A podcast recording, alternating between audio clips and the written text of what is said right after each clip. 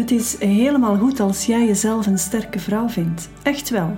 Maar ga dat niet in het licht van goed en kwaad of positief en negatief zetten. Of jezelf, als het eens tegen zit, een zwakke vrouw gaan noemen. Welkom, ik ben Annemie en je luistert naar Amami Moments. Een podcast over liefde vinden, duurzame relaties en het vrouwelijk ondernemerschap. Fijn dat je weer luistert. Veel van mijn klanten, om niet te zeggen bijna allemaal, zien zichzelf stuk voor stuk als sterke vrouwen. En ze hebben gelijk. Ze hebben vaak al heel wat watertjes doorzwommen, heel wat meegemaakt in hun leven, ups en downs, ehm, maar ook in hun werk bijvoorbeeld. Ze geven nooit op, ze blijven zichzelf als het ware steeds opnieuw terug uitvinden. Ze doen aan persoonlijke groei, noem maar op. Het gekke van heel die situatie is dat ze er zeker niet altijd in slagen om zakelijk en privé in lijn te zetten met elkaar. Maar laten we eerst eens eventjes kijken naar wat een sterke vrouw eigenlijk is. Want ook daar bestaan in onze maatschappij heel wat misvattingen over. Het start alleen al bij de term sterke vrouw. En ik nodig je uit om heel even stil te staan bij waar jij aan denkt als ik het over een sterke vrouw heb. Wat wil dat juist zeggen?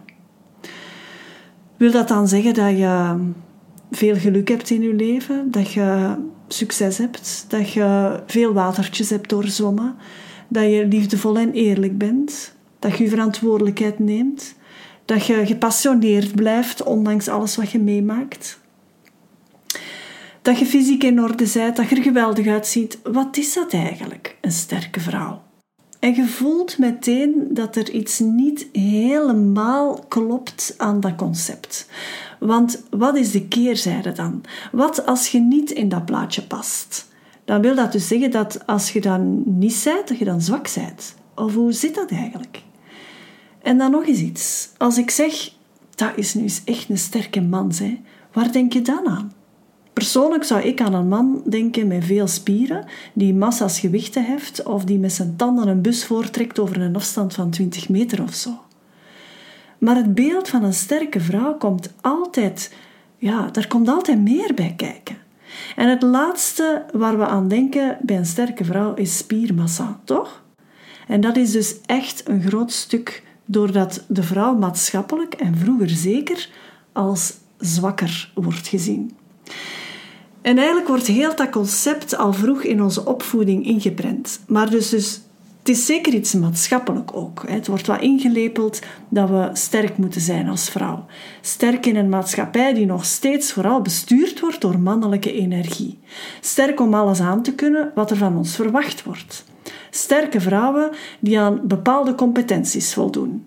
En als ik daar dan wat karikaturaal over zou doen, dan zou ik bijna durven besluiten dat een vrouw moet denken als een man, zich moet gedragen als een prinses, eruit moet zien als een jong meisje en moet werken als een paard. En dan ben je een sterke vrouw. En ik, ik voel het cynisme een klein beetje opkomen op en hoor het misschien ook in mijn stem. Maar krachtig en sterk wordt gezien als iets positiefs, waardoor je dan kan beredeneren dat zwak eerder iets negatiefs is. Maar ik wil hier een pleidooi doen om daar veel bewuster mee om te gaan. Het woord sterke vrouw of powervrouw of wat dan ook, om daar ja, voorzichtiger mee om te springen, om dat eerder als iets contextueel te zien. Dat wil zeggen dat het niet positief is, maar ook niet negatief. Het is afhankelijk van de context. En dat is het pleidooi dat ik hier wat wil maken. Het is helemaal goed als jij jezelf een sterke vrouw vindt, echt wel. Maar ga dat niet in het licht van goed en kwaad of positief en negatief zetten. Of jezelf als het eens tegen zit een zwakke vrouw gaan noemen. En los van waar jij nu staat in je leven, wat je aspiraties zijn, wat je dromen zijn, wat je wel of nog niet bereikt hebt, waar je naar verlangt en wat je al verwezenlijk hebt, ik wil je uitnodigen. Uitnodigen om te kijken welke jouw context is. Laat sterkte eerder iets zijn dat belichaamd wordt. Een gevoel dat niet in termen van goed of kwaad of negatief en positief past. maar dat eerder iets zegt over jouw innerlijke creatie-energie. En soms is die energie zacht en zwak en rustig en floot. Soms is die energie krachtig, sterk en opgericht. Als je dan vanuit die belichaming aan sterk of krachtig denkt, voel dan wat er van binnen in jou gebeurt. Hoe ziet kracht eruit in jouw lichaam? Wat gebeurt er in je lichaam als je krachtig of sterk als een concept bekijkt dat je gaat belichamen? En het kan heel goed zijn dat je spieren gaan opspannen. Misschien dat je jezelf wat groter gaat maken, wat langer maakt, wat gaat oprichten. Misschien adem je krachtiger. Noem maar op. Durf daar naar kijken bij jezelf.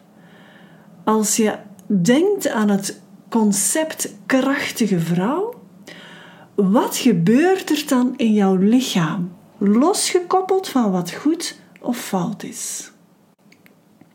En wat is de belichaming van het tegenovergestelde?